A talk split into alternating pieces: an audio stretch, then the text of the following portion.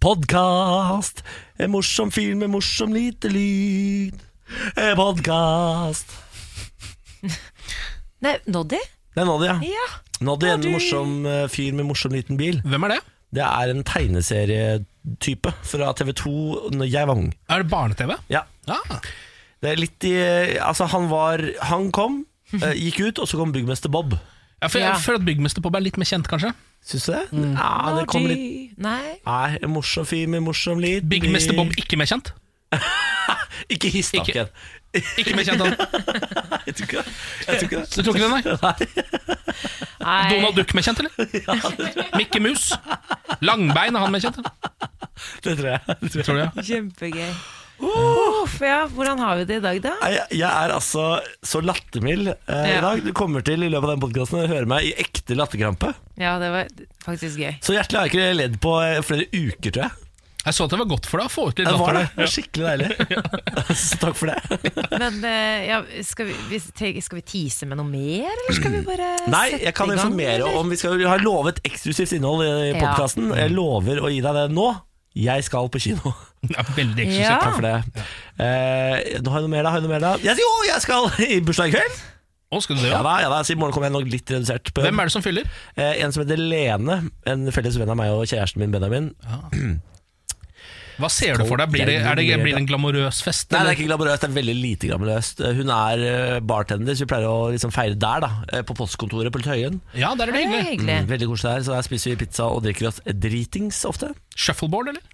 Ja, det blir ofte shuffleboard utover kvelden Mm. når jeg er skikkelig dårlig, og Benjamin blir overraskende god når han er full i shuffleboard, og det irriterer meg Ja, sånn selvfølgelig er jeg også. grenseløst. Når jeg drikker øl, så er jeg, slår jeg alle. Sånn virkelig alle. Er du sånn som går for mye skru, eller eh, Fordi jeg føler at det er forskjell på folk på shuffleboard. At noen prøver liksom på en måte å bare treffe, kjøre Ja. rette linjer, mens noen skrur så mye de kan, og det er ofte de som blir dårlige. Ja, så jeg- ser det ut som de er gode, men så får de aldri Ja, noe for det poeng. skrugreiene, der er ikke jeg. Men Ja. eh, det er et eller annet med det touch når jeg har drukket. Ja. Det er den perfekte touch. Ja, det er det. For jeg mister det perfekte touch. Det blir alltid altfor hardt, og jeg klarer ikke å justere ned. Det er som om jeg ikke kjenner min egen styrke, Ken. Ja, ikke sant, jeg skjønner, jeg skjønner. Skjønner Klart Når man sitter på såpass mye styrke, så er det vanskelig å slippe ut akkurat bare den promillen man trenger til det Ja, det er veldig, veldig vanskelig. Ja. så det skal jeg i morgen, eller i dag. Og så da er det advart da om formen min i morgen tidlig. Ja, jeg kan også hende jeg er litt dårlig form i morgen, Fordi det er jo uh, Juventus-Manchester United i kveld. Oi sann. Uh, Jæskla skummel kamp. Det kan hende det går med et par-tre whiskys til den. Altså. Hei sann, hei For at jeg skal holde nervene i sjakk. Hei sann, hei Det kan også være at jeg også er litt uggus. Det er fordi at jeg har en uh, to kilos eh, kjøttklump i magen. Ja, For du spiste en kjempebiff i går. Den har ennå ikke kommet ut.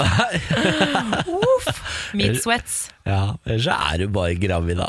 Jeg syns du klarer deg jæskla bra til å være så gravid, for nå begynner, det å, nå begynner man å se at du har litt av bolle på magen. Ja, takk. Ja, Eh, men du holder jo energinivået overraskende godt. Jeg trodde nesten du måtte ta deg en blund midtveis i sendinga. Sånn, ja eh, I dag var det ikke langt fra. nei, nei, okay. Men takk, det har takk for støtten. Det har ikke vi merka. det er kjempekoselig. Dere er søte. Takk for det. Her er podkasten, vær så god. Morgen på Radio 1. God morgen, god morgen, Ken. God morgen. God morgen, Samantha. morgen. Så var vi på plass, gitt. Gjengen, da, vet du. Trioen. Herregud, så koselig. Det er jo lille lørdag i dag, Samantha. Det er det. Det er så fantastisk. Vi skal uh, ta fatt på lille lørdag på best mulig måte og ha en aldri så liten eh, fest fram til klokken ti i dag. Det er på en måte vår tildelte tid. Og når ti er slagen, da er det hjem. Da tenker vi ikke på Backstreet Boys, da tenker vi ikke på Kygo, da tenker vi ikke på noe. Så lar vi hodet ligge i dvale til i morgen. Det hender faktisk noen ganger at tankene mine bare sklir over på Kygo. Noen Er det sant? Ja, noen ganger sitter jeg og tenker på Kygo. I går for eksempel, så le leser jeg nok en sak, eller kanskje det var i dag tidlig til og med, om hvor rik han var. Altså nå er Kygo er så rik nå. Både han og Alan Walker er altså så rik. Ja, De er så forbaska rike. Ja, Og de kommer jo fra samme lille De er fra Fana begge to. vet du Det er så sjukt. Eh, han, eh, Alan Walker vant jo MTV-pris foran Kygo Og nå nylig. Oi, nå nylig. Yes, Ja, Ja, vant Ja, på for, eh, prisutdelingen? ja, for, for tredje år på rad, faktisk. Vant Alan Walker. Jeg lurer Alan på om, om eh, Kygo noen ganger bare går over gata til, til Alan Walker, eller til foreldrene hans eventuelt, og bare kaster stein på vinduet eh, når sånne ting skjer. Helt sikkert. Kygo eh, har jo ansvaret for Alan Walker på et vis. Han tok han jo med når Alan Walker var en bitte liten Alan Walker? Når Alan Walker var bitte lite frø, så tok Kygo han med på turné og sa sånn Han her har jeg lyst til å hjelpe ut i verden. Og så fikk Alan Walker fotfeste, gitt. Men Kygo er 26 år gammel. Ja, Kygo er Jeg skjønner ikke at man kan snakke sånn her om sånne artister. de har holdt på, fordi- de har holdt på lenger enn du skulle tro, skjønner du. ja, ja. De har holdt på lenger enn du skulle tro. Samme det, nå skal jeg ta tid på avisforsidene, dere. Jeg har valgt meg i dag, jeg starter det. Fedrelandsvennen i dag, for det er så gladsak på forsiden. Så Koselig. Eh, start og ny skipsfabrikk. Terje Markussen drar i gang et nytt skipseventyr. Sørlands Skipsgrunn vil gjenta bedriften 30 år etter. I dag var jeg ikke så god på Sørlandssending. Men saken er i hvert fall at han skal starte opp en ny skipsfabrikk. Ja, for det går så bra med Sørlandschips at nå har de lyst til å gjøre det all over again. Så nå skal de starte Den lille chipsfabrikken.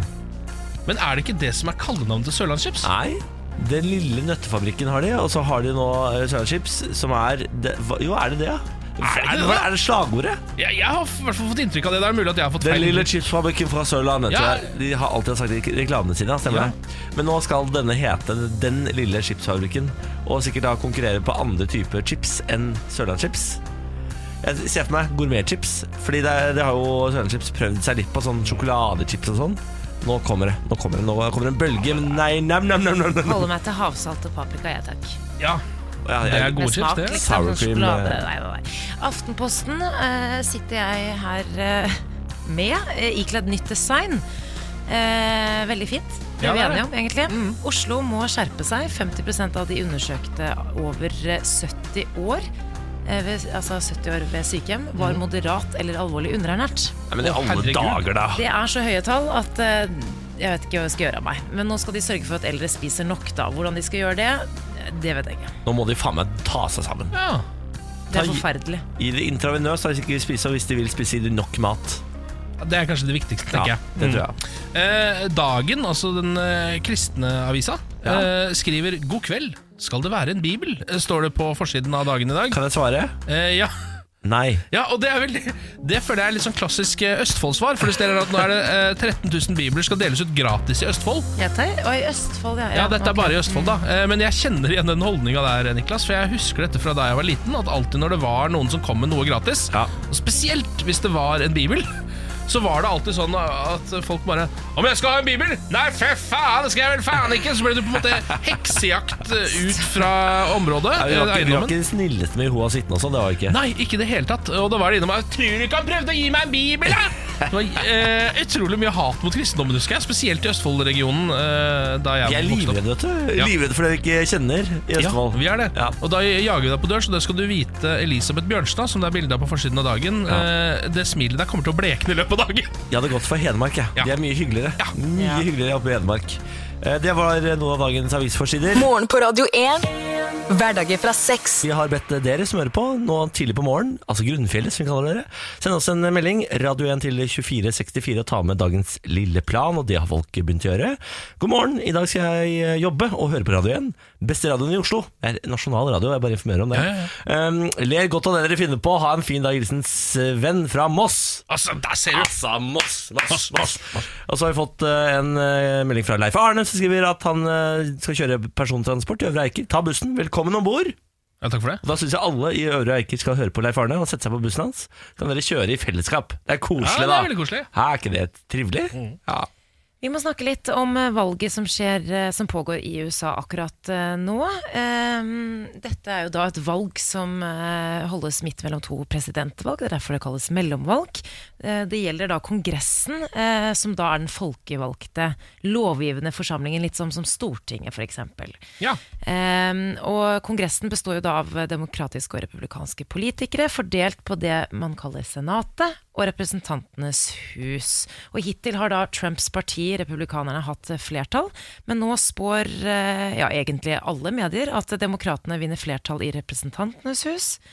Eh, Men i Senatet derimot, der eh, beholder republikanerne flertallet. Eh, Senatet de er jo de som Um, godkjenner regjeringen og, og høyesterettsmedlemmer. Nå kommer jeg til å nyse, jeg bare sier ifra. Da kommer det en nys tilbake. Det går fint. Da kan jeg forklare videre. Og Representantenes hus, der har de 435 eh, seter. Det fins 100 senatorer versus Representantenes hus, som har da 435 setere. Og det er da eh, fordelt etter folketall og delstater osv. Så, videre. så her er det jo Men hva er, det, hva er makten til det representanthuset? Jo, der er det jo sånn at alle lovforslag som, eh, som trenger på en måte eh, Som går på offentlige inntekter, altså at man trenger penger fra offentligheten, de må gjennom der. Ja. Via uh, The House. Ja. Det blir ofte kalt The House. The House. The House.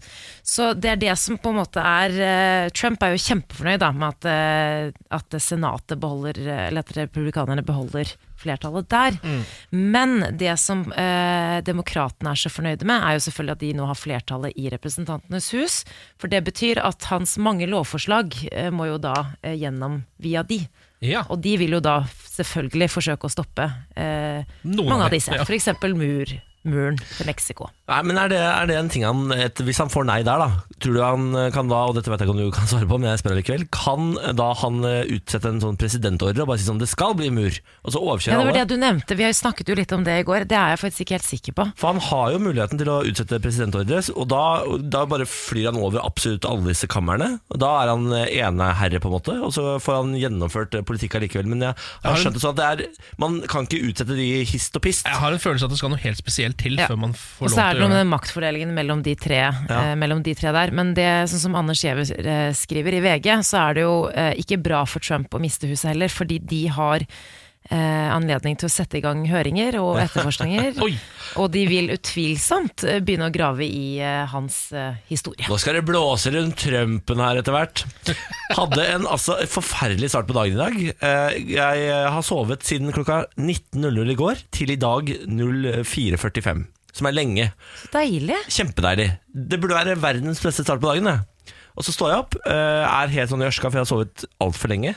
Går inn på badet, og så idet jeg går inn på badet, det eneste rommet i huset med fliser, så glipper jeg telefonen. Og så, så har jeg knust der, ja. skjermen på min iPhone. Nei. Men du, har jo, du kan jo se deg, i hvert fall. Ja da, eh, Og så tror jeg nå at jeg har husket å kjøpe sånn idiotforsikring som gjør at jeg kan få byttet skjermen gratis. Men så husker jeg ikke hvor jeg kjøpte den forsikringen. Så nå må jeg ringe rundt til steder og sånn, Har jeg forsikring hos deg? Nei. Har jeg forsikring hos deg? Nei. Jeg, har jeg, ja, der har jeg den sikkert, da! Forhåpentligvis. Så da kan det ordne seg. Så den- min kjære iPhone X, som jeg jo er mer glad i enn eh, samboeren min Ja, Det har han sagt. Ja, jeg er mer forlovet, mer forlovet med iPhonen min enn Benjamin. Den må på sykehus, dessverre. Men, eh, men Det eh, er det kjipeste i verden. hva, er du sikker på at du har kjøpt forsikring, eller har du drømt det? Nei, jeg, jeg, det er, jeg er ikke sikker på det. Jeg, det kan godt hende jeg har tenkt sånn Det er lurt for deg å ha, Niklas. Du er Ja, det er det jeg tenker at du kanskje har gjort. Fordi Ja. det, alle burde ha den forsikringen egentlig. Det er litt irriterende, men det er jo det der som alltid skjer med, hvis man har iPhone. iPhone knuser alltid. Alle opplever å få knust iPhone. Ja, gjør det. Eh, Jeg også. Så nå må jeg se, da. Men eh, dette finner jeg sikkert ut av. Jeg gjetter på ja, at eh, det viser seg at jeg må betale flere tusen kroner. Ja, Det er alltid sånn det ender, er det ikke det? Jeg, jeg tror også Selv om du har forsikring, så må du betale flere tusen kroner. For Ja, jeg sånn er tror det. det. sånn er det alltid. Eh, Ronaldinho, den gamle fotballstjerna, er i trøbbel nå. Uh, han har Er bare det han med rassaflettene? Det er han med rassaflettene, Ja. han som noen altså onde tunger mener kanskje kan ligne litt på Jar Jar Binks uh, fra Star Wars-filmen. Ja, den vitsen har ikke du hørt før nå. Det Nei, det, det er, ja, Han kan ligne litt grann, ja, litt grann men, Han ligner jo masse på Jar Jar Binks! Ja, han ligner kanskje bitte, kanskje bitte grann lik Jar Jar Binks, da. Ja, det gjorde min dag, det. Ja, vi må legge ut bilde av det etterpå. ja vi får gjøre det. Vi må nesten. Eh.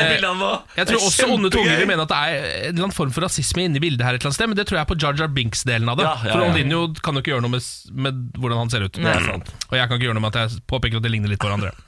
eh, han er i trøbbel, han har bare 50 kroner på konto. Nei! Og så skylder han to millioner til den brasilianske stat. Oi. Eh, men det er jo det som er altså, Det viser seg jo det da at det er, han har altså utestående gjeld på 20 millioner kroner, så derfor så har de eh, tatt kontroll over bankkontoen hans, myndighetene. Og når de sjekka den, så fant de ut at der var det bare 50 kroner, gitt. Jeg skjønner ikke Eh, hvordan du klarer å komme 20 mill. i minus.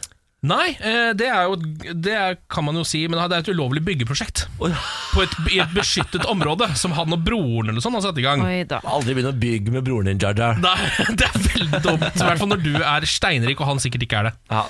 Um, så det, så det, han har jo sannsynligvis mer enn 50 kroner, Fordi nå er han ute på Jeg har sett han på Instagram og sånn. Han er, nå er han i både Kina og Japan, eh, og han har også fått nye sko fra Nike, nettopp. Ja. eh, Som har blitt kommet på markedet. Ehm, så det er nok eh, Jar Jar som har vært ganske smart her. Han har et holdingselskap. Og satt over alle pengene sine til Singapore, eller noe sånt, akkurat idet han vet at nå er brasilianske myndigheter på gang. Så det, men så syns jeg det er gøy at han lot 50 kroner stå igjen. Litt sånn derre ha-ha, se her, dere. Det er penger Vær så god.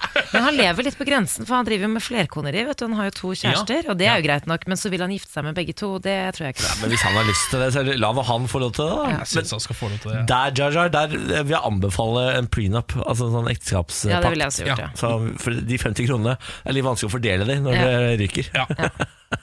Det er helt riktig. Ah, det bildet der, altså. Vi må legge det ut på Instagramen vår. Ja. Eh, Jar Jar og Ronaldinho. Ronaldinho, ja. Ah, fy faen. Dette er morgen på Radio 1. Vi eh, hilser Grunnfjellet velkommen, dere som hører på Morgen på Radio 1 fra tidlig om morgen, og ønsker gjerne en melding fra dere med en plan for dagen. Send det til Radio 1 og 2464. Vi har jo fått uh, melding fra avisbudet Nesset, Ja. som er en fast lytter av oss, som har vært borte i flere uker nå, hvor vi har blitt ordentlig bekymra. Ja. Sånn, herregud, har Nesset slutta å høre på oss? Hva er det som har skjedd med Nesset? Mm. Han har rett og slett bare vært ute i pappaperm. Ja! Eller har han vært i pappaperm, eller har han bare nylig blitt pappa? Ja, det er potato potaro i min verden. Da, Ja. si. Han har fått barn, da. Han har fått barn, i hvert fall. Han har blitt far på nytt. Gratulerer så mye. Grattis til Nesset. Det er jo hyggelig å vite at det er, noe, at det er gode folk også som eh, reproduserer seg selv, eh, og da gjør at verden blir et bedre sted i framtiden, sannsynligvis. Ikke sant? Eh, nå skal vi en tur eh, ned under havoverflaten. Eh, 3000 meter under havet. Oi. Inni en vulkan. Oi. Eh, Fordi der har nå da en gjeng med forskere eh, oppdaga et, eh, et eh, dyr, et vesen, som de veldig, veldig, veldig, veldig sjelden ser. En såkalt dumbobblekksprut. What? Eh, Som er da en eh, en blekksprut som er helt hvit og ser litt ut som en elefant. Den ser ut som dumbo Det er kanskje den søteste skapningen jeg har sett noen gang. Er den det? Er- Mener du det? Ja, en blekksprut som er søt, for det skjer nesten aldri. Ja, Den er veldig veldig søt. altså eh, Nå klarer jo Blekkspruter er jo gode til å eh, late som de er andre ting. Så de kan, altså sånn, Mange av de er jo sånn mimic octopus og sånn, som kan se ut som hva de vil. Eh, men denne her er ekstremt søt. Det ser ut som den har to sånne små, ganske store ører, akkurat som Dumbo har, som den på en måte svømmer med. Eh, og så har den et veldig sånn søtt lite fjes og er helt hvit. Men nå skal vi høre hvordan eh, forskerne som eh, oppdaga denne nede i denne vulkanen, med et undervannskamera, da, hvordan de reagerte da de så denne sjeldne skapningen.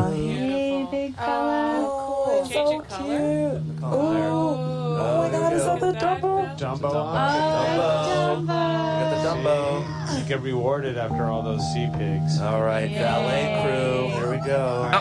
Eh, og hør hvor gira de forskerne blir. Altså det er eh, Det er sånn jeg, det tok meg selv da første gang jeg hørte dette her, så ble jeg tenkte jeg sånn Det her er egentlig nesten litt kvalmt å høre på. Eller sånn, Jeg føler på en måte at det er litt privat. Det er sånn det er litt som å overhøre kosepraten til et kjærestepar. Ja. Skjønner du at det er liksom det, for Ja. Dette her er noe jeg kan ikke på en måte Jeg klarer ikke å ha de samme følelsene rundt denne blekkspruten. Nå ser jeg videoen av den. Ja, den er veldig søt. Den er skikkelig søt. Det er en kjempesøt blekksprut, eh, men- men allikevel de, de blir så intime i Ja. praten sin. Det er liksom sånn mm, Utrolig kjærlig stemning. Ja, det er litt sånn at det er sånn Skulle Burde jeg ha hørt dette, egentlig? Dette her var vel forbeholdt andre ører. Hva tenker du? Får jeg ta med det klippet her, så andre også kan bli creeped out? Ja, da? det var det jeg tenkte. Eller gira forskere. Ja. Gresset på, gresset på ryggen. Men gratulerer til Verda, som har fått en ny Ja. blekksprutart. Ja, veldig bra jobba av oss. Nå skal vi over til en eh, kjipere sak. Eh, Machiavelli Lindén, han som er mistenkt for eh, Majorstua-drapet, han eh, ble jo tatt i, på, i Dijon i Paris etter en t- tid tilbake. Han hadde vært på flukt fra politiet en stund etter at han eh, etter hvert ble mistenkt da, for drapet på eh, Heikki Bjørklund eh, Palto på Majorstua. Um, så viser det seg nå at uh, Machiavelli den mest sannsynlig har begått enda et drap på flukt fra politiet etter at han stakk fra Majorstua, før han ble angrepet, angrepet pågrepet i uh, Dijon i Frankrike. Det er en 58 år gammel dame som har blitt funnet drept i leiligheten sin eh, med flere knivstikk. I Belgia, var det ikke? Ja, i Belgia, stemmer. Og dette tyder jo veldig på da at det kan være Macavel Lindén som har tatt en pitstop eh, i Belgia på vei ned til Dijon og rett og slett drept enda et menneske. Ja. Nei. Det er, altså, dette er jo en eh, forferdelig sak som bare blir verre og verre og verre. Eh, og Lindén han sitter jo fortsatt fengslet i Frankrike. Vi har ikke fått han til Norge ennå, man har jo bedt han utlevert. Men det er sånn som tar dritlang tid av en merkelig grunn. ja, og kanskje enda lenger tid, nå som Belgia også er oppi det hele, faktisk. Eh, Nå vil jo Ja. de kanskje også ha sin bit av kaka, eller nå er det jo noe da eh, Nå er det to land som vil dømme han, da. Blir han først da sendt til Norge, eh, straffeforfulgt her, og så sendt til Belgia, straffeforfulgt der, og så velger man hvor han skal sone? Jeg veit faktisk ikke hvordan det systemet er. Nå tenker jeg at de følger tidsforløpet, kanskje, med at det her skjedde mest sannsynlig først, Ja, men jeg håper jo han blir fengsla i Belgia. Jeg ser for meg at de har dårligere fengsler enn Norge. Og sånn, ja. Ja, ja. For jeg, altså, Man vil jo at han skal sitte kjipest mulig i fengsel. Ja, det har du helt rett i. For han er så døll type. Ja, og så er det som eh, Samantha påpekte her i dag, det, noe av det mest irriterende med den saken er at vi må drive og kalle han for Makaveli. Ja. Eh, altså Kallenavnet som Tupac tok eh, en liten periode på 90-tallet. Ja Det er jo eh, surt. Vet du hva han het før han bytta navn til Makaveli. Ja, Gustav. Ja. La oss bare kalle han det. Ja, for Vi det, kaller han Gustav Ja. Lindén. det er litt som den perioden med ABB, eh, hvor man ikke ville liksom eh, ta Si navnet. hans navn. Så man kalte han ABB, fordi i manifestet så sa han jo sånn Alle skal si mitt navn. Bla, bla, bla. Han var så Ja. veldig opptatt av at alle skulle liksom kjenne han. Og nå heter han jo Fjotolf. Ja, det gjør han. Fjotolf Hansen. han Ja. har jo bytta navn til Fjotolf. Gratulerer med det, forresten, Takk, ja. Fjotolf. Det er Nok en gang Fjotolf. Det Det var var- en av det var dine en beste moves. suksess. Ja. Hvis de tror de kan bestemme eget navn, så tro om igjen, for vi kan kalle det akkurat det vi vil. Absolutt. Ja. Eh, Lan Marie Berg og Eivind Trædal får massiv hets og støtte etter babynyhet. Dette var jo en av de store sakene i går eh, og i dag. De skal bli foreldre for eh, første gang og delte mandag denne hyggelige nyheten. Og siden det så har det jo selvfølgelig da vært eh, hetsorama på sosiale medier. Ja. Ja, så jeg kan være uenig med Lan Marie Njumberg og Eivind Trædal ganske mye, altså. Ja. Men hold deg for god, da. Ja, det er nettopp det. Fordi eh, Politiker-Norge har jo nå tatt tak. Eh, Siv Jensen, Torbjørn Røe Isaksen og Jonas Gahr Støre. Vel, veldig mange da eh, har nå gått ut med ganske lange kommentarer, faktisk, om eh, denne type hets. Og hvordan de da selvfølgelig ikke støtter det. Og så er det jo, så drev jeg og diskuterte denne saken her i går, for jeg tenkte at det her er bare så forferdelig. Det er så utrolig fælt at eh, folk skriver. For det her, det hetsen eh, Mange har jo måttet fjerne sakene. Dagbladet, VG publiserer jo gjerne sånn De venter barn, gratulerer. De har måttet fjerne sakene. For det er, det er altså så Det er så mange stygge kommentarer. Mange omtaler jo barnet selv. Og da tenker jeg sånn eh, Vi snakket om den saken her med vennene mine i går. Så sa de ja, men det er jo bare er, Du vet, det er bare sånne folk. Du er sånne dumme folk som bare sitter der og sånn. Men likevel. Det bare, hvordan, jeg, jeg skjønner liksom ikke eh, Jeg skjønner ikke at man skal bare la det gå. Man gjør jo ikke det. Man fjerner jo saken og man tar tak i det. Men, men de, folk kan ikke holde på sånn. Nei, men det, det jeg innimellom finner litt trøst i, det er at eh, de fleste som skriver sånne kommentarer, det er en generasjon eller to over oss, og de kommer til å dø ut ganske snart. Ja, tror du det? Jeg har inntrykk av at vår generasjon og de under oss De er bedre oppdratt på hvordan man skal Ja. forholde seg til kommentarfelt og nyheter, og hvordan man Ja. skal eh, behandle folk. For det er ofte gamle menn som sitter i kommentarfelt og Gamle er, hvite menn? ja, som er så jævla ufine. For det der kom på en måte litt i essensen. Det var han, han der, Hans Petter Nygaard Hansen, kommunikasjonsrådgiveren, som sa det. At hvis du blander en, uh, elementene kvinne, ikke kronisk norsk utseende og litt kontroversiell politikk, så har du en Molotov-cocktail. Ja. Ja. Og det er det som er essensen, på en måte som egentlig ingen tør å si. Og det irriterer meg sånn inn i hampen. Det er jo sant. Ja, ja, er du gæren? Det eneste, vi, det eneste vi kan gjøre, er å si ta dere til helvete. Hvis det er noen av dere som hører på Morgenprat 1 som er de folka som skriver det i kommentarfeltet, vær så snill, da. Herregud, ta deg, så få deg en hobby, da. Begynn med jiu-jitsu eller uh, paint and zip, som jeg har lagt merke til. Hva er det? Ja, hva faen er det? Jeg har sett reklame for paint and zip. Kan jeg bare ta to ord om det? Ja. Det er et nytt prosjekt folk har begynt med her i Oslo nå, hvor man sitter og drikker vin og maler i fellesskap. Man skal ta med seg venner. Nei, hør nå. Man skal ta med seg venner inn i et rom, og så skal man jekke en bedre flaske vin, og så skal man male. Altså, er dette hjemme hos folk, eller er det ute Nei på da, det er organisert! Det er det. Ikke bare Det skal det- du gjøre dette, men du skal også betale noen for å få gjøre det hos de. Jeg har aldri Hvorfor? hørt noe som er mer pretensiøst noen gang. Hvorfor?! altså, jeg får slutt å klappe til de folka som har starta det prosjektet der. Vet du hva, da kan Det er jo dessverre vår generasjon. Det er ikke de, Ja, ja. det er ikke, ikke de sinte Det er så absolutt vår generasjon, det. Jeg har tenkt å kombinere to ting. Maling og vin, og folk kommer til å elske det. Fy faen. Fy faen. Dette er morgen på Radio 1. Vet, Grunnfjellet sender oss en melding i dag på Radio 1 til 2464, og her står det God morgen, min plan for dagen etter at jeg har vært på jobb, er å flytte knappene på mansjetten på den nye skjorta mi. For akkurat nå rekker jeg så vidt ut av skjorta. Hilsen Marianne.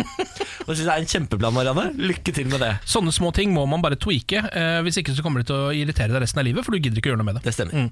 Eh, nå tips til den som vil holde seg fri og frank og singel. Vi kjører i gang. Hele veien fra Moss i Østfold. Ta han vel imot.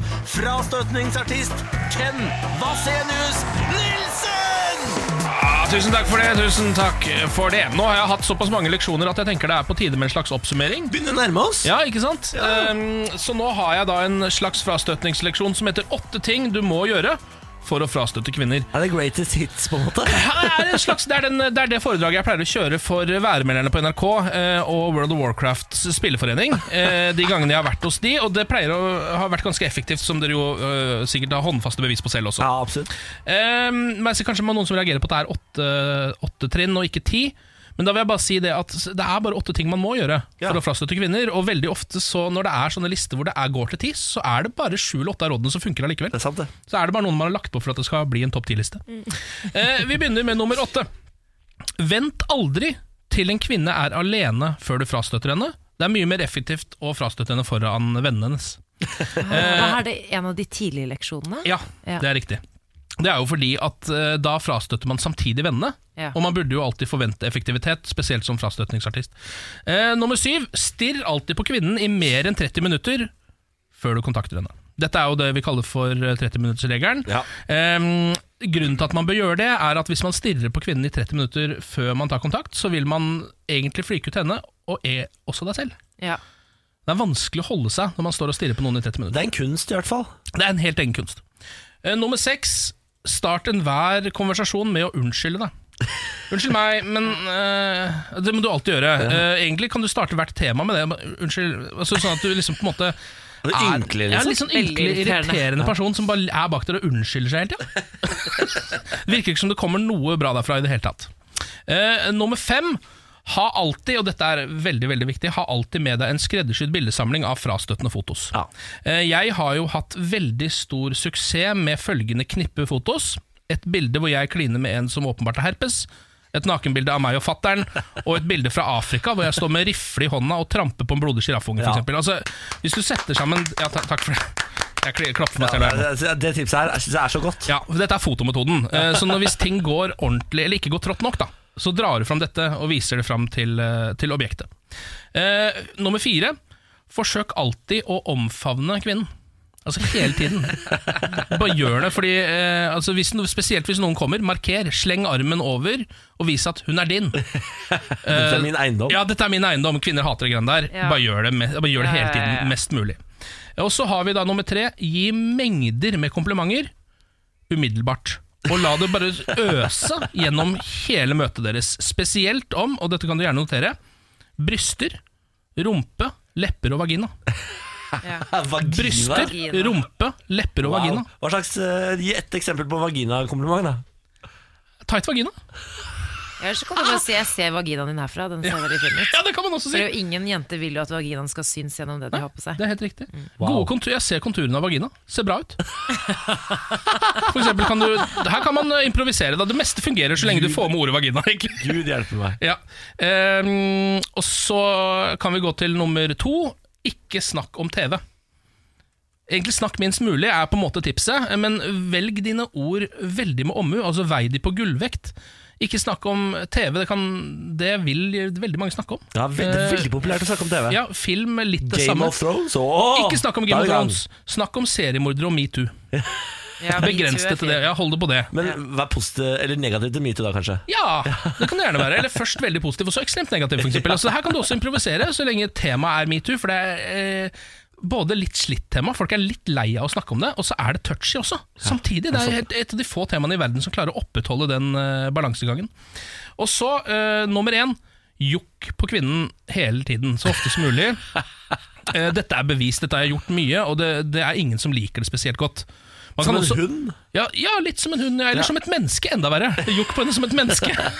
Hva ville funket best på deg, Niklas, av alle disse tingene, hvis du skal trekke frem noe? Ja. Nei, altså det fotoalbumet er veldig høyt der oppe. Freaky photos. Ja, fri, eh, men også den eh, Det siste der, jokking, hadde jeg blitt veldig satt ut av.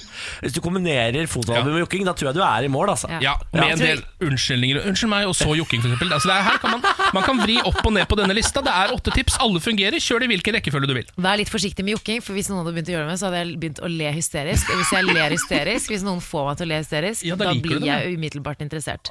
Jukk som du vil, men ikke stirr på meg, og ikke nevn vaginaen min. Nei, ikke sant. Det er ikke, ja, ikke sant, Der har man det. Ja, Veldig bra, Ken. Herregud. Dette er veldig bra, Ken. Nå kan du eh, sove godt om natta og vite at du har frastøtt for tusenvis av mennesker. Takk for det. Morgen på Radio 1. I studio så har du altså Ken. Hallo? Eh, Gladfisken sjøl med skjegget sitt på plass. Hallo. Sitter med lue i dag, blå. Veldig fin dag, Ken. Du er den eneste som går med farge for tiden. Oi, men Ja. vet du hva? I dag har vi kledd oss selv likt, for jeg har også bare på meg blått i dag. Ja. Er ikke Eh, den svart, den toppen der? Den her er eh, mørkeblå. Hva sier du det, ja?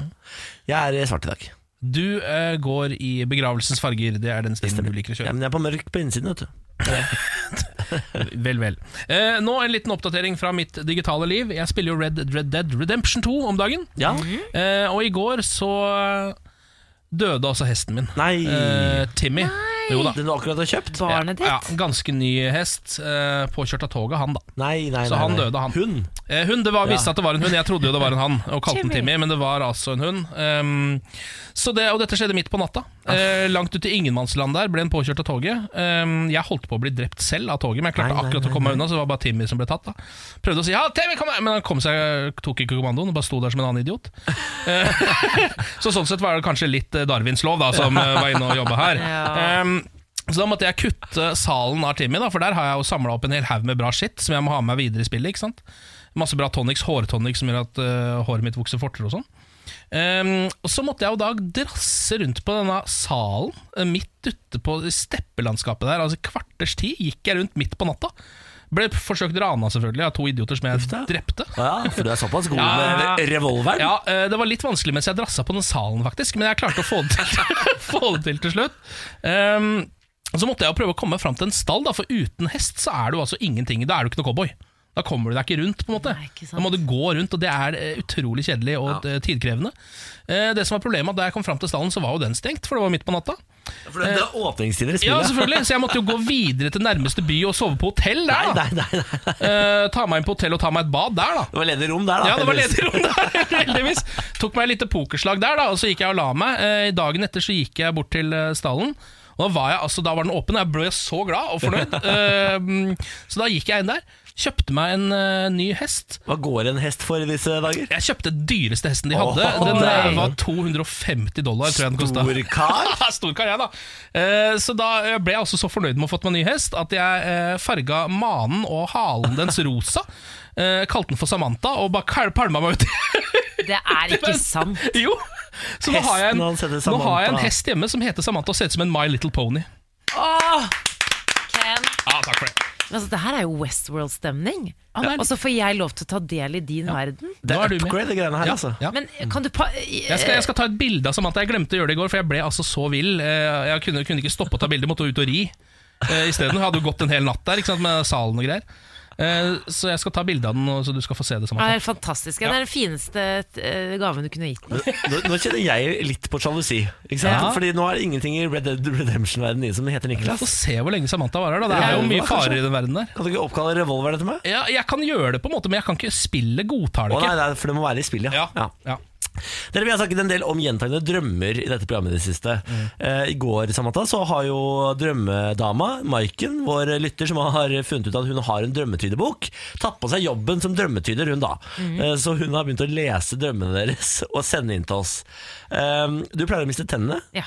Eh, om og om igjen, og det sa Maiken var Det var eh, bare en tung byrde. Ulykke skal skje. Uffa meg. Ja. Sykdom. Ikke bra. Nei. Eh, Nå har vi fått en ny melding fra drømmedama Maiken, som i dag har tatt for seg din gjentagende drøm, Ken. Eh, Hva var det du drømte? Jeg pleier å drømme at jeg altså kjører bil, og jeg har jo ikke lappen, så jeg vet ikke hva som skjer. Jeg har ikke kontroll, og så ser jeg i speilet, og der ligger et lik i baksetet. Maiken har eh, tydet denne drømmen, Aha. men kommer først med en liten advarsel. La oss høre på Maiken. Dessverre så fant jeg ikke en veldig spesifikk drøm om en bil med et lik baki. Men hvis du kjører i en bil, så betyr det at du kan bli rastløs under bekvemme forhold, og du vil, du vil gjøre en endring. Og det ser ikke ut som det er så kjempelurt. Så hvis du da adder på et lik, så ser det ut som denne nyheten eller denne utsiktene til forretningene dine ikke kommer noe kjempebra ut. Ungdommen får mange skuffelser, og gleden forsvinner. Og hvis du da er på kollisjon i denne rabiate bilen, så er det skuffende forventninger. Så alt i alt tror du blir jævlig skuffa, Ken. Jeg vet ikke, Har det her kanskje noe med valg av reality-program? Fader heller. Eh, Det høres ut som vi må ta litt vare på deg i fremtiden, Ken. Ja. Det er ikke de beste utsiktene for livet ditt her. Nei, altså det med rastløsheten stemmer jo på en prikk, da. Eh, Det første nettet der, at hvis man eh, drømmer at man kjører bil, så er man litt rastløs og vil forandre status quo hele tiden. Ja. Det stemmer jo. Ja. Eh, Men så legger man også da på frykt og desperasjon oppå det, så blir det jo bra, det her. Fy fader, det høres ikke bra ut, dette her, Ken. Du husker å snakke med oss ut der nå, ikke sant? Ja, men uh, kjenner jeg meg selv rett, så, uh, så tar det litt tid Ja, før jeg gidder å ta det opp. Nei, men Ta det opp, da. Ta det Ja, opp før det er for seint, Ja, Ken. ja. Det er aldri flaut å snakke med noen. Nei da. Nei. Niklas, har du ingen drømmer du vil tyde, da? Jeg drømmer ingenting, jeg. Jo, æ! Hva, jeg, hva er det jeg drømte? i? Jeg drømte noe så rart i natt. Kom du på det nå? Ja, jeg drømte at vi tre hadde radiosending utafor huset til en bergenser som heter Kjellemann. Eller var det Kyrre Kyrre Nei. Gjørvel? Nei, nei, nei, nei. Kjellemann, altså han eh, Vi var jo på eh, Radio Bransjen har en pri radiopris. Der vant en helt rabiat fyr pris, husker du det? Som sto på scenen og hadde Ja, verdens ja. verste takketale. Ja, som sa 'fuck alle sammen' og Ja, altså, helt gæren på scenen. Forsøk på humor, da. Ja. I natt satt vi utafor hans eh, hus og hadde sending. Jeg, vet ikke hva det, jeg aner ikke hva det betyr, Marken, men lykke til med å finne det i boka Ja, di. lykke til. Det er det eneste jeg drømte i natt. Morgen på Radio 1. Hverdager fra sex. Hvis du hører kaos i bakgrunnen her nå, så er det Siri Kristiansen kommer inn i full fart og river av seg klærne idet hun løper mot, mot mikrofonen og setter seg ned og vil si god morgen! God morgen, Siri Kristiansen. Vi tar en melding som har kommet inn på Radio 1 til 2464, hvor det står Hei, god morgen, jeg må først på jobb, og så skal jeg slappe av før jeg skal brette Kilimanjaro-fjellet av rene klær som ligger på gjesterommet, og sjekke singelskuffen om det er et par sokker. Oi. Og så skal jeg ta meg i hvert fall én telefon til verdens beste kjæreste. Hilsen Kenneth. Ja, men det er en god dag, Kenneth. Gratulerer, gratulerer. gratulerer Har du med deg bikkja? Ja. Det er derfor det rakna. Altså, jeg har jo helt kål på det der med mann og unger og bil og herregud. pendling og sånn, men den bikkja kan jo av og til tippe, tippe lasset. Ah, herregud, så koselig. Eh, Siri, du er jo eh, dronningen av gode råd. Du har Siri og de gode hjelperne her på Radio 1 hver eh, søndag klokka to. Og så kommer de til å hjelpe våre lyttere. Hva skal vi ta for oss i dag? Du, eh, Vi beveger oss helt tydelig inn i en julebordssesong, for det er mye eh, Både julaften er problematisk for folk, det er mer sånn emosjonelt. Julebord er problematisk for folk fordi eh, det er mye sånn splittelser, og man gruer seg hvis det er på arbeidsplassen. Sånn. Så jeg skal ha tatt én av de da, Ja. som jeg skal dele med dere. Og det er, her har jeg tenkt spesielt på deg, Samantha. Oi. Oi. Kjære gjeng, det er da dere. Nå er det min tur til å be om hjelp, for vi blir ikke enige i min gjeng. Vi er to steile flanker mot hverandre. Vi er elleve jenter totalt som har vært venninner i over ti år. Nå har to av oss fått barn siden i fjor, altså de to første. Lag A mener det årlige jentejulebordet må åpne opp for baby, slik at alle kan være med. Lag B mener at de heller får stå over. Hvis lag A vinner, blir julebordet roligere enn før, ergo kjedeligere. Hvis B-laget vinner, vil det jo da ikke være samlet alle elleve på mange år. For dette er neppe de to siste ungene som klekkes. Hilsen Girlsa. Oh, dette er, den er kinkig, da. Eh, kan jeg starte? Fordi jeg mener Har jeg noe valg? Eh, ja. Det har du ikke. Jeg mener at såpass mye i verden eh, tilrettelegges etter gravide og folk med barn. Ja. Eh, spesielt må veldig mange høytider, familieting altså, Hele tiden må man eh, som barnløs rette seg etter folk med barn. Det er riktig. Eh, Så hvis, noen, hvis en gjeng har en tradisjon for rølet på gøy og fyll, så mener jeg at her må faktisk de med barn skaffe seg barnevakt og tåle at det skal være rølpete. Hvis jeg hadde fått lov til å gå først, så hadde jeg vært helt enig med deg, Niklas. For jeg mener jo nei til babyer her. Her er det bare to stykker som har fått, og jeg synes jeg hadde, det er ikke noe hyggelig å få høre sånn Nei, men du, da må dere faktisk avstå, altså dere kan ikke komme i det hele tatt. Det er jo ikke noe hyggelig. Men samtidig så er det bare to av de som har babyer. De må ha vett nok til å skjønne at de kanskje burde holde seg hjemme akkurat nå. Ja. Og så kan man heller, når da flere får barn, så er det jo kjempehyggelig å kunne kanskje tilpasse det. eh, For da er det jo flere som har det. Nå er det bare to av elleve. Ja. Eh, Det er på en måte Det er mindretallet. Så da, da syns jeg faktisk at, eh, at eh, det skal bli et litt artigere julebord. Så kan de med barn eh, bli med når kanskje flere har fått. Ja, jeg syns det høres fornuftig ut å være litt sånn løsningsorientert på det. At idet det vipper over i Du det, syns det høres fornuftig ut å være løsningsorientert. For en gangs skyld. Det er Ja, veldig sjelden jeg mener at det er bra. Akkurat i dette tilfellet vil jeg gå for det. Eh, At når det bikker over Ja. til at flere har barn, så begynner man å ha med barn. På Ja. en måte, da taper jo uh, alt. Eller skaffe barnevakt. Eller at ja, man ja, legger det til rette, da. Det virker som at det, med barnevakt ikke er på bordet i det hele tatt. Gjør det Nei, jeg, eh, min forståelse her er at disse barna er så små at det er på en måte, vi er på sånn eh, amme De må Ja. ammes en gang i kvarteret-aktig. Ja. De er nyklekket. Men det som eh, jo er, er at hvis, hvis man ikke åpner opp for barn her, så vil det si at Det går, går mange år da til det blir Men jeg tror ikke de tenker at liksom treåringer skal ha med fireåringer, at det skal bli mer og mer over til sånn juleverksted hvor dorullnisser. og Jeg tror det er bare unntakstilstand. Beate kan ikke komme, for hun har noe hengende til brystet eh, som ikke har fått navn ennå. Ja. Selv om jeg skjønner ikke helt hvorfor hun har lyst til å gå på julebordet. Jeg vet ikke hvor heldig det julebordet er. Ja. Neste år er det jo Kari som har noe dinglende fra brystet. så det, Ja, ja. det er litt sånn, man må bare, jeg, jeg syns bare man skal holde det vanlig. Altså Bare ha tradisjonen, gå ut, ha det gøy. Og så for de som velger å få barn selv, mm. kan heller avstå hvis de føler at de ikke kan ta fri en time eller to. Dette går på tur og orden. Her får man bare Altså, Noen ting må du ofre når du får barn så du setter barn til verden. Ja. Og dette er en av de. Det går selvfølgelig også an å tenke å dele opp i tid. At det er på en måte sånn at Fram til klokka ni da, så er det relativt barnevennlig. Etterpå Ja. er det full, full faen. Ja, Og tenna i tapeten. dette er en tradisjon, og man må opprettholde tradisjonen sånn som de er. Man må ikke gjøre tradisjoner kjedeligere, eller man skal ikke åpne opp for mye, eller selv om man skal justere litt. Men jeg bare synes det er så hardt. De to første liksom, de kommer til å føle seg så utrolig annerledes og ekskludert fra den gjengen når de får den døra der i fleisen. Jeg tror bare jeg ville sagt, kan ikke dere komme og så får dere mennene deres til å trille de rundt blokka, liksom. Og så Ja. ringer de opp og sier sånn Nå har det klikka helt for babyene, jeg vet ikke hva jeg skal gjøre. Jeg har eh, vrengt de, har holdt de opp ned, jeg har prøvd alt. Ja, vrengt. Jeg har vrengt de. Eh, Nå må du komme. Da er det bare å ta av seg finskoa og si sånn Det var det jeg fikk til i år, folkens. Ja. Ha det. Jeg syns det er fint. En Det alternativ løsning. Og hvis da venninnene uten barn foreslår det, så føler de seg kanskje litt mer inkludert. Ja. Ja, du må også si det at folk, altså Barnløse og litt alkoholiserte folk eh, er jo også ganske rause overfor folk som får barn. Ja. Akkurat idet de får de, så tror jeg de tenker sånn ah, Så fett at dere i det hele tatt kunne komme. Dere var her noen timer, det er helt konge. Ja, Enig. Det får bli tipset. Ja, og så syns jeg ikke at dere skal åpne opp for barn da etter hvert, eh, på vegne av Jeg var den første i min gjeng som fikk barn, og da var det liksom eh, Da følte jeg meg ekstremt utenfor. Men når alle fikk barn, nei, da skulle vi gjøre sånn barneting. Ja. Men da er du plutselig klar for å feste igjen, ikke sant? Ja, ja, Og da vil jo ikke jeg være sammen med barn, så du må sette én regel i år, og den regelen må vedvare. Ja, Lurt. Ingen barn. Flere tips får du hvis du hører Siri og de gode hjelperne på søndag fra klokka to. Siri, takk for hjelpen. Bare hyggelig. Morgen på Radio 1. Vi tar en liten oppdatering fra Unite. I natt var det mellomvalg i USA. Eh, Dette gjelder da Kongressen. Det er eh, det samme som eh, Stortinget, kan du si. Altså det er den folkevalgte, lovgivende forsamlingen som består av Senatet på én side, og så har du da Representantenes hus på den andre siden, eh, pluss presidenten, da. Eh, og eh, republikanerne de mister flertallet i Representantenes hus for første gang på åtte år. Det betyr at eh, demokratene har da flertall i Representantenes hus.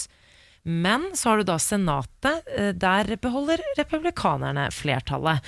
Så det er litt sånn 50-50 der nå. For Trump er det ikke bra å miste flertallet i Representantenes hus, fordi de har mandat til å til å sette i gang etterforskning av presidenten.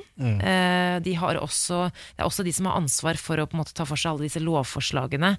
Eh, som da eventuelt øker offentlige inntekter. Så det må jo via de, og da kan det jo bety stopp for mange av Trumps planer.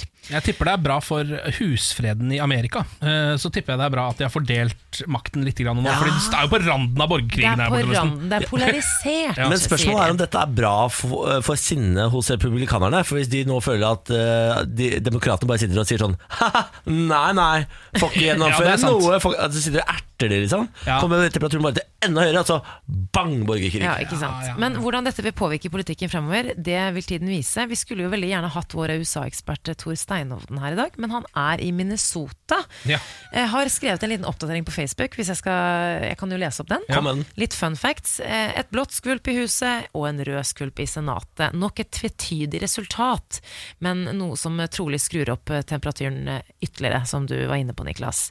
Men så nevner han eh, følgende. Tidenes yngste valgt inn i Representantenes hus, Alexandria Ocasio-Cortez, er den yngste kvinnelige representanten i Kongressen noensinne, født i 1989. Oi, like gammel som meg! Oi, oi, Som oss, ja. ja. Den første åpne homofile guvernøren er valgt. Abom sier Ja, og så har vi flere av de første muslimske kvinnene også da valgt inn i huset. som man det. Fremgang! Fremgang. Og generelt så er det da flere kvinner enn før eh, som nå har blitt valgt inn i Kongressen. Det er jo gode nyheter, da. Så deilig, da. Ja. Det tror jeg de trenger der borte. Litt mindre menn og litt flere kvinner, tror jeg. Ja. Ja, Jeg tror det er en positiv utvikling for US of A. det er ikke, sikkert ikke så dumt, det. Det er ikke så halvgærent. Eh, skal jeg bare eh, veldig kort innom Kygo Alan Walker. Eh, skattelisten har jo kommet nå. Eh, og du kan tro media eh, fråtser i skattelister. Eh, nå skal alle sånn 'Dette tjener medietoppene! Dette tjener eh, de rikeste i din kommune!' Da, da, da, da, da, da. Kommer nå. Og du må vite at hvis du går inn på Skatteetaten og søker på skattelistene, så kan folk se hvem som har søkt på deg. Ja. Jeg, jeg gjorde det i fjor. Ikke noe som hvem har søkt på meg.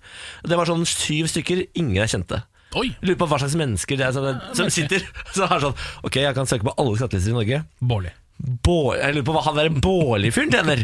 Og da må jeg bare hisse til det og si litt koko. Ja. Litt koko. Søk heller på Kygo, for han tjener mye penger, han. Altså, Kygo tjente i fjor 5,5 millioner kroner. Altså Det er jo da utbyttet han har tatt. Ja. Fordi det er jo ikke det reelle tallet han har tjent. For han har bare tatt ut 5,5 millioner kroner. Så har han økt formuen sin til 52,4 millioner kroner. Nei, Og så har han i tillegg kjøpt seg en villa i Bergen. Ja, ja, ja, Som kosta Altså mer enn det der. 30 millioner eller sånt. noe sånt. Og så har han jo, eier han jo masse selskaper som er også drita rike. Ikke sant? Så dette her går på skinner for Kygon. Og så Alan Walker gjør det rimelig skarpt. Han eh, dro inn 9,7 millioner, eh, og Nei, vent, da skal vi se. Formuen hans er på 9,7 millioner, men så dro han inn 12 millioner kroner i 2017. Ja, ja, ja, ja. Tenk deg det. Det kan begynne på eh, det lille gutterommet ditt i Bergen eh, og ende opp med verdensherredømme. Jeg tror du må være fra Fana, faktisk. Ja, det virker faktisk sånn. Det tror jeg er krav å være fra Fana. Ja. Eh, nå litt lokalstoff. Vi følger jo avisa Sør-Trøndelag denne uka. En avis som kommer ut i Orkanger. I Orkdal. Kom for første gang ut i 1908 under et annet navn. Da het det Søndre Trondheims Amtstidene. Som er mer sånn gammeldags avisnavn. Synes jeg. Det har slutta med alle de navnene der. Jeg synes Det er koseligere. Ja, eh, Nå har den jo et lite problem, Fordi det heter jo ikke Sør-Trøndelag lenger, som eh, vi fikk påpekt her i går. Det er Trøndelag nå. ja, det er Trøndelag, men den heter fortsatt Avisa Sør-Trøndelag Lal. Ja, ja. denne avisa her. Eh, I går var vi innom saken ble klabba til av mannen iført lederhosen og parykk. Det var en litt rar sak der.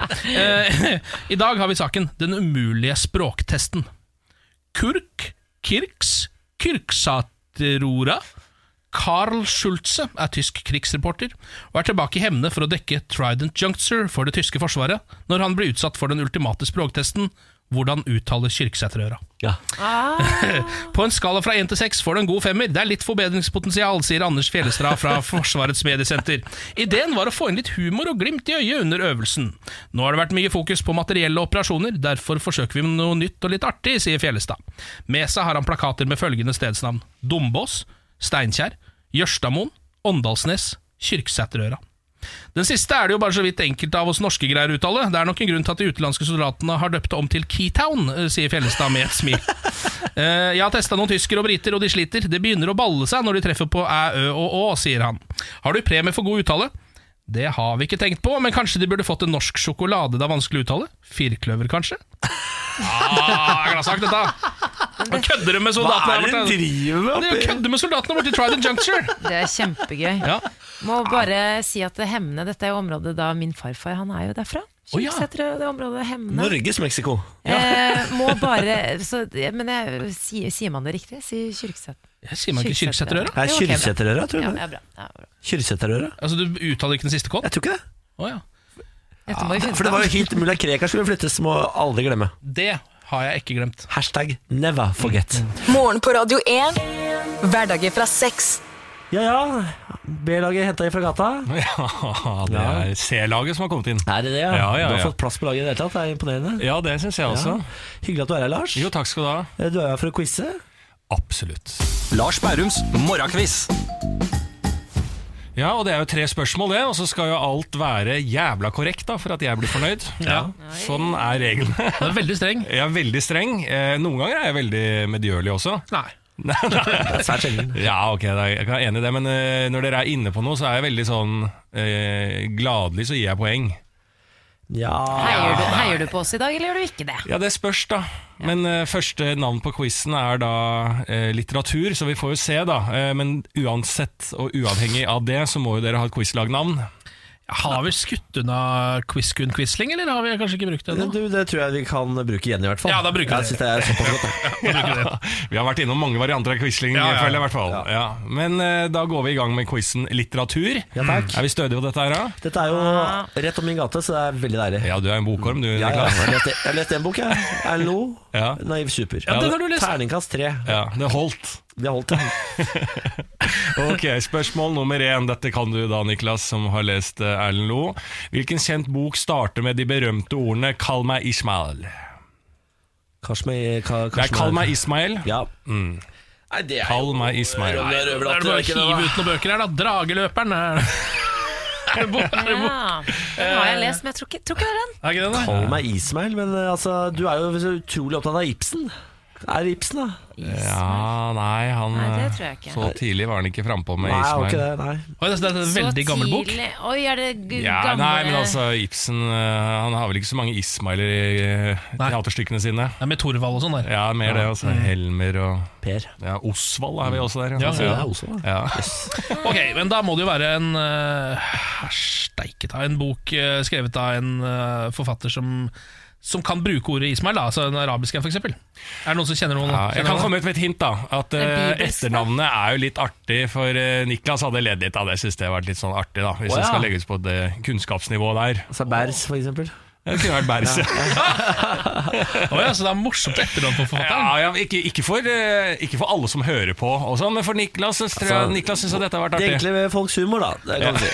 Okay, vil- Folket, Moss. Folk, ja, ja, ja, ja, ja. Så vi koser oss. Du skal kose deg, du og Ken. Er Ja. Navnet er ikke men uh, Samantha fra vestkanten hadde syntes dette var altfor drøyt. da Å, Dette etternavnet. Er det underbuksehumor? Ja. Det er underbuksehumor, ja. Jeg Ja, er det helt tom, penis eller noe sånt, da? Penis. Er det en forfatter?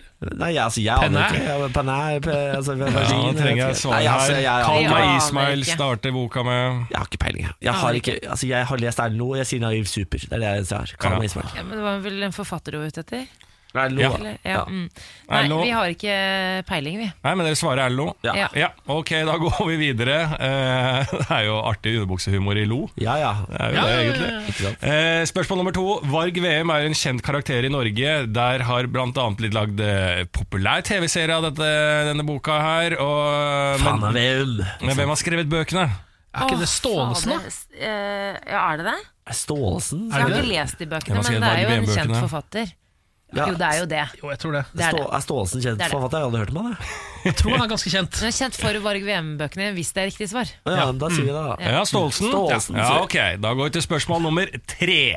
Fra hvilken by er handlingen til Anne Franks dagbok lagt? Ane Frank, er ikke den i Amsterdam? Ja, Amsterdam, Ja. ja. Det, er, altså, det er jo museet der. Du kan dra titte på loftet. Ja. Hvordan det så ut også der du lå da. Men det er ikke Rotterdam, sant? Det er Amsterdam. Jeg tror det er Det er Amsterdam. Det er derfor det er museet Jeg har vært der, men jeg var så liten. Ja, jeg og eh, Lars var jo der på ferie Ja. for noen måneder tilbake, og da hadde vi tenkt å stikke en tur til eh, Anne Franks museum, men eh, det var for lang kø, så det gadd vi ikke. Det var i Amsterdam vi Ja, var da. Det er helt sant. Det var ikke bare køen. Jeg tror ikke vi kom oss til køen engang. Men det var mye godt i glasset nede i Amsterdam også. Det stemmer. det stemmer Jeg hadde ingen, eh, ingen intensjon om å dra på Anne Franks eh, museum, hvis jeg skal Det være helt fint å si i etterkant at Ja, dere det er vurderte det, i hvert fall. Ja, Ja. det var så lang kø, Men svaret deres er Amsterdam. Ja. Ja. Men da går vi for alle svarene, da, folkens, Ja! i denne quizen av litteratur. Eh, da gikk vi på spørsmål nummer én. Hvilken kjent bok starter med de berømte ordene 'Kall meg Ismael'? Dere svarte da Erlend Lo. Jeg prøvde å hinte til at det var et artig etternavn. Ja. Det er Moby Dick. Er det Ja, selvfølgelig. Selveste Moby Dick. Boka Moby Dick av forfatteren Charles- Herman nei, Melville. Herman Melville var det. Ja. Ja. Ja. Nei, altså jeg, jeg har hørt om Moby Dick, men jeg har ikke hørt om forfatteren. Nei. Om, Og jeg har eh, heller aldri lest Moby Dick. Jeg har sett en film av det, det var kjedelige greier. ja, ikke sant. Er. Bortkasta tid, som vi av- eh, konkluderer med her i Radio 1. Men vi går til spørsmål nummer to. Varg Veum er en kjent karakter, men hvem har skrevet bøkene der Varg Veum er en sentral figur? Her svarte gruppa Stålesen. Ja. Svaret er Gunnar Staalesen! Det er veldig bra, altså. For en twist on Det er ukjent forfatter. Jeg er helt enig med Niklas. jeg. Det er, jo- eh, man husker Varg Veum. Det burde vært en kjentere forfatter Ja, ja, som har skrevet de bøkene, fordi at det, Varg Veum-karakteren er så kjent. Ja. Han, Jan, Fjell, eh, Jan Fredrik Fjeller, han som sitter i rullestol, han skulle skrevet den. Ja, eller Lahlum. Lahlum. Lahlum, Hvorfor skrev ikke han de greiene der? Ja, jeg vet da faen. jeg. Nei, Vi får sende inn et klagebrev til et eller annet, eh, en eller annen instans. Du tar deg instans. sammen, Lahlum, og du skriver bedre bøker, så Ja. du får eh, en sånn der film du også. Ja. Ok, Da går vi til spørsmål nummer tre. Fra hvilken by er handling til Anne Franks dagbok lagt, sier jeg jo da, men det er jo en reell historie her, og det er jo da selvfølgelig Amsterdam. Amsterdam. Veldig bra. To av tre riktig på litteraturquizen. Det hadde jeg ikke regna med. Nei, det er ikke så verst, det, altså. Nei, det er bra. Jeg føler at det bidro også. Det er det som er Det verste av alt du bidro, Niklas. Herregud. Tenke seg til for en dag, altså. For en dag, for en start på dagen. Det er deilig. Vi ses i morgen da, Lars. Ja, vi gjør det. Gå med Gud, da. Ja, i like måte. Ha det, da. Ha det, Ha da. det, ha det, ha det. Morgen på Radio 1. I God morgen, Ken, Samantha og Niklas her, og gladnyheten nå, folkens. Det kommer endelig en oppfølger av denne filmen her. Terkelknipe! Ja! Hvilken film er det? Terkelknipe! Den er konge, den filmen. Den Altså. er altså så bra, og nå kommer det endelig en oppfølger. Det er så gøy! Ja, Dette er jo Stikk av de svin-låta for øvrig, som er min favoritt av den. For de som ikke husker Terkelknipe, animasjonsfilm fra Danmark, som er så grov eh, og fin og morsom. Aksel Hennie har alle stemmene i Norge. Ja, det har han, ja. Hør da. Du må ha mer lyd. Du er for stygg for meg, og mora di er med på det verste. Du sa det uten et smil. Jeg gleder meg sånn til den kommer. Vi har venta i mange mange, mange, mange, mange år på at Terkelknipe-oppfølgeren skal komme. Faktisk 14 år. Eh, Nå kommer den, og den skal hete Ternet Ninja. Ninja? Ternet Ninja. Jeg vet ikke hva det betyr, det er dansk. Ja. ja. Eh, Det jeg er spent på, er jo om det er vår gode Aksel Hennie som skal ha eh, stemmene. Det håper jeg virkelig. Ja, nå har han jo filt Nei, tennene sine, så det er ikke sikkert at han klarer å ha den samme stemmen Nei, lenger. nå går jeg ned i saken her. Jeg har ikke gått helt ned i bunnen. Men det er dansken som skal ha alle de norske stemmene. Å, fordi han er dansk. Han, han, han Altså dansken som i Ja, altså, fing, fra Espen Selvig, Ja, han stemmer, stemmer, stemmer. Ja, han, ja. Men uh, vi kan glede oss. Den kommer allerede i desember, denne filmen. Og hvis den, altså hvis, det, hvis den når Terkel Knipe til knærne, så kommer den jo til å bli en kassasuksess uten like. Ja. Eh, det, det var jo Ja. Jeg så den Men- Hva? Nei, hva skulle du si? Jeg så Terkel Knipe her for bare ja, sikkert et år siden eller sånn. Ja. Holder seg. Men tror du at det kommer til å bli en sånn ny generasjon som kommer til å elske den filmen like mye som vi elsker Terkel i knipe? Nei, jeg tror er Eller vi. tror du det er vi som sitter der, Ja. 30-åringer pluss minus? Jeg håper litt at de har lagd den til oss. Altså At eh, de har liksom tilpassa den vår humor og sånn, ikke den nye generasjonens humoren. Eh, Fordi da tror jeg den kommer til å bli megasvær. Jeg tror Ja. alle har lengta på denne oppfølgeren. Ja, ok. Ja. Jeg gleder meg i hvert fall veldig. Gratulerer til alle Terkel Knipe-fans. Eh, nå har jeg verdens dummeste sak, bare så dere er klar over det. Jeg, jeg advarer. Kvinne har forlova seg med spøkelse.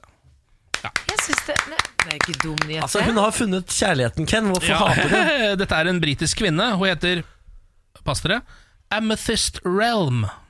En gang til. Amethyst Realm heter hun. Det høres ut som et Game of Thrones eller Harry Potter-navn. Eller et eller annet sånt Hun er 30 år fra Bristol.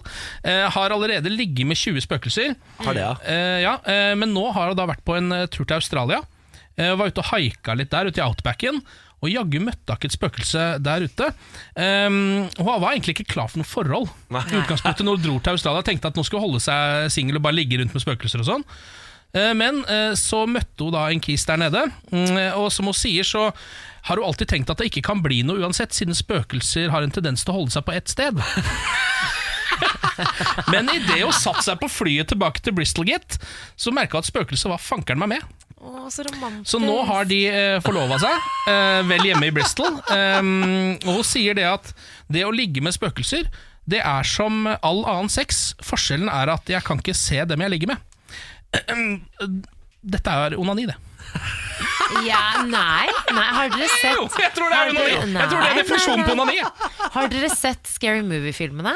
Ja. Ja. Der er det hun Tori Spelling, kjent fra Beverly Hills, som eh, har seg med et spøkelse. ja, men jeg tror ikke du skal ta eh, hva som går an og ikke går an ut ifra Scary Movie. Samantha. Jeg tror ikke det er den eh, lureste måten å leve på. Ser du Tori Spelling? Ja, det gjør jeg faktisk.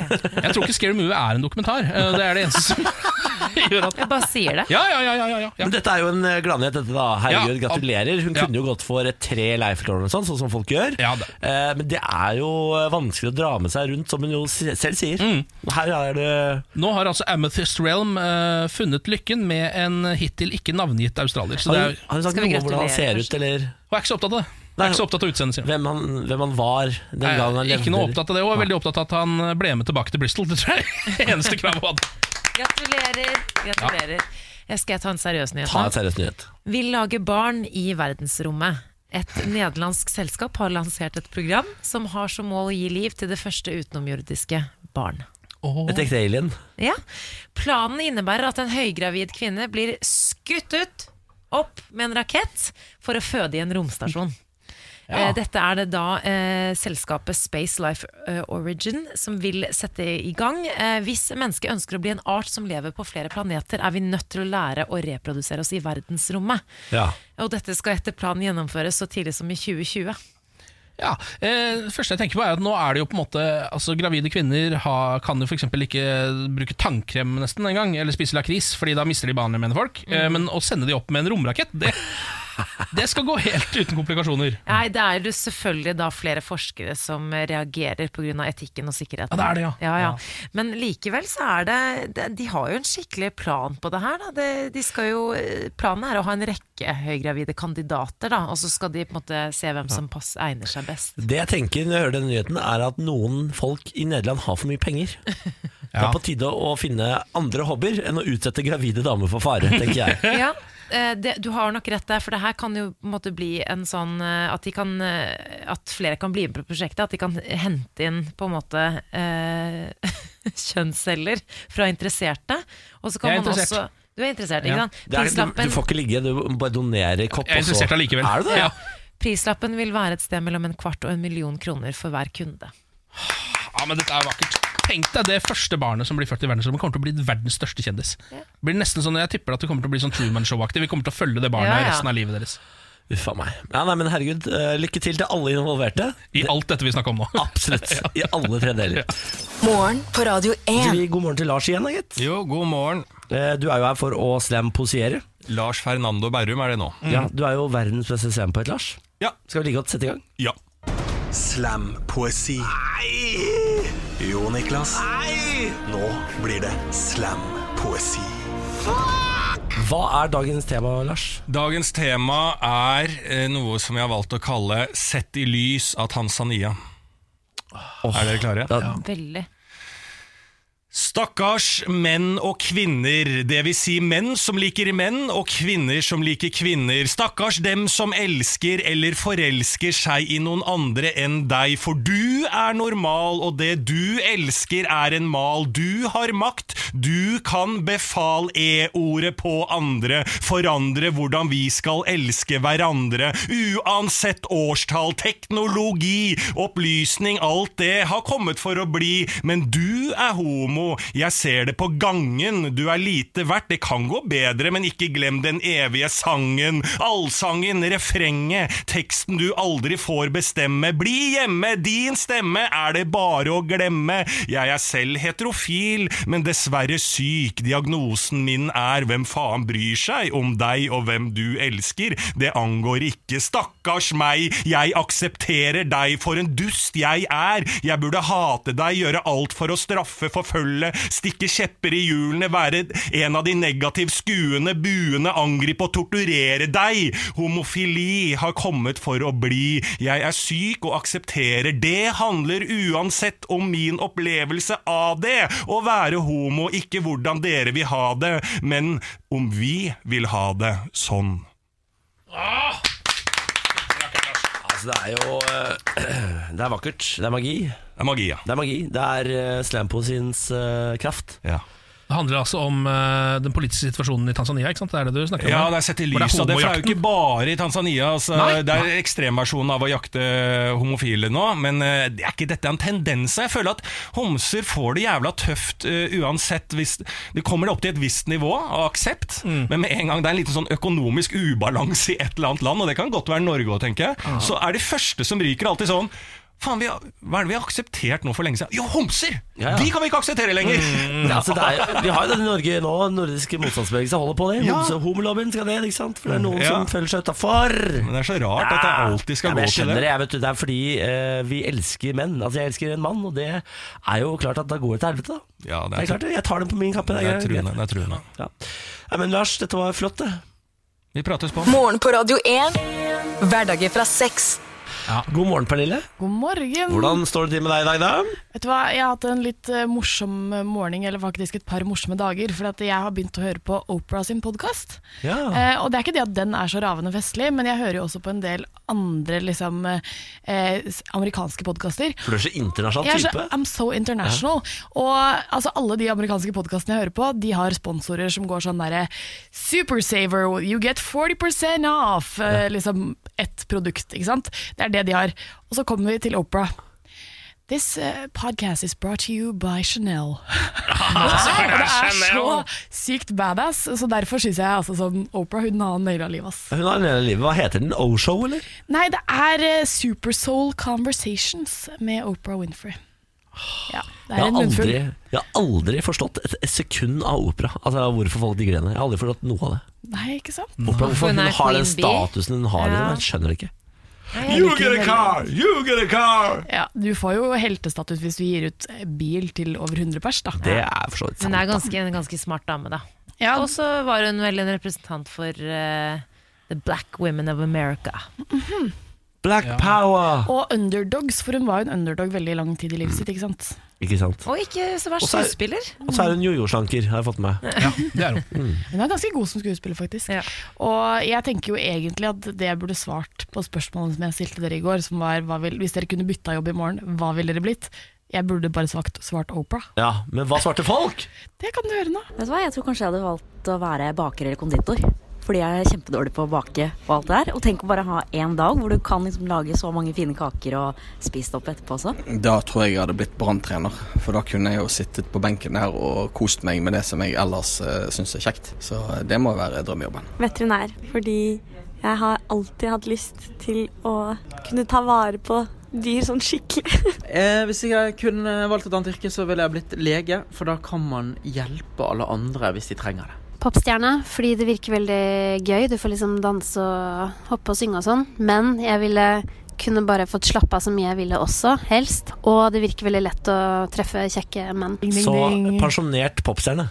Pensjonert popstjerne er det. Da har du, da har du fortsatt heltestatusen, men du kan bare chille'n. Og du får ligge veldig, med veldig pene mennesker. Altså, det var gøy, det var masse forskjellige svar. Ingen som jeg har spurt eh, sånn generelt heller, har svart likt, og det er jo veldig fint. Ja, jeg, tror, jeg tror ikke på konditoren der, for øvrig. Eh, Hvorfor ikke? Hvis du kan velge på øverste hylle i verden, så velger du ikke konditor. Du, for de må jobbe knallhardt. De står opp tidlig ofte. Ja. Jeg tror ikke på det. Men kanskje, det er det, kanskje det blir en sånn ny hipp greie å ta sånne der late open bakeries. Fordi at det, man ser jo ofte på sånne filmer når sånne der cronuts og sånn kommer, som er en croissant og en donut sammen, så ser man jo at folk står, i, som, man, folk står jo i kø fra fem på morgenen. Ikke sant? Hvor hipp og kul blir man ikke om man åpner cronut-placen sitt klokka fem da på dagen? Ja, Blir du hipp og kul, eller har du bare ikke kunder? Det er spørsmålet. Det er det som er spørsmålet. Men det jeg synes jeg likte litt, var at det var ikke så mange som gikk etter penga her. Nei. Det var noen få, men det var veldig mange gikk i, på en måte mer etter eh, hva Sånn de tenkte som en- barndomsdrømmer. Ja, barndomsdrømmer. Det var litt sånn eh, barnslige valg. Det likte jeg litt. Men det er jo ikke så gøy å være sånn Hvis jeg skal tenke, velge fra øverste hylle, så velger jeg jo ikke CEO i Norsk Laks. Altså sånn, jeg, tjener jo sikkert masse penger der. Barack Obamas eh, presidentskap, jeg. Ja, ikke sant? Mm. Den er ikke dum, den heller. Barack Obamas presidentskap var det du skulle ha. Det er gøy. Det er en, jeg, Jeg velger George Washington sitt presidentskap. Ja. Gjør du det? Ja? Det vil jeg ta. Typete. Jeg typte. Eh, vi trenger jo å sende deg ut på nytt oppdrag til i morgen. Mm. Jeg Jeg syns det passer bra i dag, egentlig, fordi at skattelisten har kommet. Ja, faen, jeg kanskje skal ta på skattelisten, ja. Er det greit å søke på skattelistene eller ei, f.eks.? Ja. Skatt, søker dere på skattelistene? Jeg gjør ikke det, men jeg har sett at det er mange som sitter her og gjør det nå. Mens Ja. vi spiller låter og sånn, så er folk rett inn på skattelistene. Eh, Så jeg lurer litt sånn på eh, hvor mange som driver med det, altså hvor vanlig det er, og også hvorfor man gjør det. Hva er den nysgjerrigheten der? Klarer noen å forklare det? Fordi Personlig så får jeg en sånn barnslig fascinasjon med å se hvem som er rikest i hver kommune. Ja, jeg eh, søkte helt vilt mye på skattelistene før, men idet man liksom får vite hvem som har søkt på deg, så slutta jeg med det. Ja. Jeg har ikke gjort ett søk etter det. Eh, så jeg, det, det er jo bare fordi jeg er for feig, fordi nysgjerrigheten er jo der. Ja, ja, ja, er du Ja. gæren? Jeg har så lyst til å vite hva sjefene mine tjener, hva naboene tjener, Hva svigermor tjener. Ja, det er nettopp det. Du vil, du vil vite egentlig hva foreldrene til hun du var venn med i tredje klasse tjener. Aha. Man blir sykt nysgjerrig, og det er jo litt dumt, men også litt gøy. Men da tar vi og kjører dere til i morgen, da. Skattelister. Ut på gata med deg, frøken. Ok. Out and about. Morgen på Radio 1. Faen, nå kom jeg på at vi diskuterte paint and sip i stad. Konseptet hvor man sitter i grupper og drikker alkohol og maler. For jeg har så lyst til å, lyst til å ta det konseptet, Nei. rive det i fillestykker. Nei, men vet du hva? Jeg bare tenker Vi må ikke dømme Det er, det er veldig mye bra folk som gjør det Ja. også. Det må vi bare påpeke. Det eneste jeg har lyst til å si er at De som har starta det, er veldig unge mennesker. Har- Jeg har nemlig vært inne og sett det på Paint and Sip sine nettsider. Og jeg har lyst til å gi de honnør for å finne et konsept som idioter har lyst til å være med på. Gratulerer, Ja, dere ja, fant ja, en ja. gullgruve blant idioter. Ja, det er klart, altså, det er bra folk der også. Men det, Pretasiøse nissefjes det- som sitter og drikker vin og maler stygge bilder. ja. Ja, Bildene det kan jeg mene at de kanskje ikke blir så stygge, men jeg tror ikke menneskene nødvendigvis er så dumme. ass. Jeg tror ikke, jeg tror ikke det er noe i veien med de. Jeg tror det er Jeg noe de i er veien med pretensiøse. konseptet. Pretensiøse er de. Kjempegøy. Jeg, jeg, jeg, bare, jeg, jeg, jeg er så dårlig på sånt, så jeg kunne aldri vært med på det. Det uansett. fins gode mennesker i alle leirer. Du har de snille nazistene. Altså, Du har alltid gode folk, men, men uh... the, the vast majority! Jeg prøver å balansere, men, men, eh, men sannheten er at jeg ikke liker det konseptet. Jeg liker heller ikke det konseptet. Nei, det vi er tre mennesker Nei som da. ikke liker paint and sip. Men det er veldig mange som gjør det, så derfor kan vi tre sitte og Ja synes da, det. og hvis du liker paint and sip, så skal, Det går du, bra. skal Ja, ja. du få lov til det. Du er f- allikevel velkommen inn til vårt bord. Ja. Du må bare vite at vi kommer til å se litt rart på deg. Ja, bitte lite grann, bare. Men her tror jeg det er vi som er unntaket, for jeg tror dessverre at mange av de vi liker, og vår generasjon, faktisk liker Altså, det. Det er, paint- det, som er, det er noe i veien med oss. Paint and sip går så det sk- koster, det. Ja. Så det skal du ikke tenke på. Ja, Gjør det det Ja, også? jeg har gått så er det en bransje i vekst? Ja, om det er! De utvider det pay-to-sip i alle storbyer nå. Farken, altså. Det er litt som escape rooms. Det bare det popper opp overalt. Jeg sier bare millennials. Det, det Ja. er, det er vår feil. Vet, vet, du hva? vet du hva? Etter en veldig stressende Etter en veldig stressende uke som key account manager, er det jævla deilig å sette seg ned og bare sippe litt på noe bedre enn Marlot, men så male litt på det blanke lerretet, liksom. For da bare er det Da er det da ser jeg på lerretet. Det er hvitt, det er blankt. Det er muligheter. Her skal jeg bare øse av mine muligheter ut på lerretet. Det er så katartisk. Du får følelsene kommer på en måte ut først når du setter penselen til lerretet. Dere har begge to deres hipster-nykker, dere også. Hva er det- Jeg bare sier det. Nevn Endesk! Endesk, er ja. beste indisken. Altså, butter chicken, Så bare aldri hørt om det. Aldri hørt om butter chicken? Ah. Og Ken med whiskyen og jeg bare jeg, Whisky! Oppfunnet 1200 år før Kristus! Det kan ikke være hipt, det! Jo, men det er hipstrete å hatt Ja, nå drita fulle folk. sier det, Dere kan kalle meg vestkall og alle de greiene, men da må dere, dere er typete, dere òg, sier jeg bare. Ja. ja, det er greit, det. Nei, det, det, det blir for meget for meg at indisk eid. Ja, men det er det! For mange er det det. Altså, Min bestemor har aldri smakt indisk, f.eks. Det er godt av banen. Uff. Nei, nå må jeg ta meg en pause. Det er godt vi er forskjellige. Ja, vi Ja, er, er vi er vi er rasshøl alle sammen. Morgen på Radio 1. Hverdager fra sex. Advarsel, advarsel! Nå er det over! Nå er det slutt! Dette er finalen. Takk. Var det deilig å ha latterkrampe i dag, Niklas? Veldig deilig. Jeg vil ha mer. Jeg vil ha mer! Wow. Jeg gjetter på at jeg kommer til å le litt når jeg kommer på kino og ser Aksel Hennie i parykk. Og med Botox.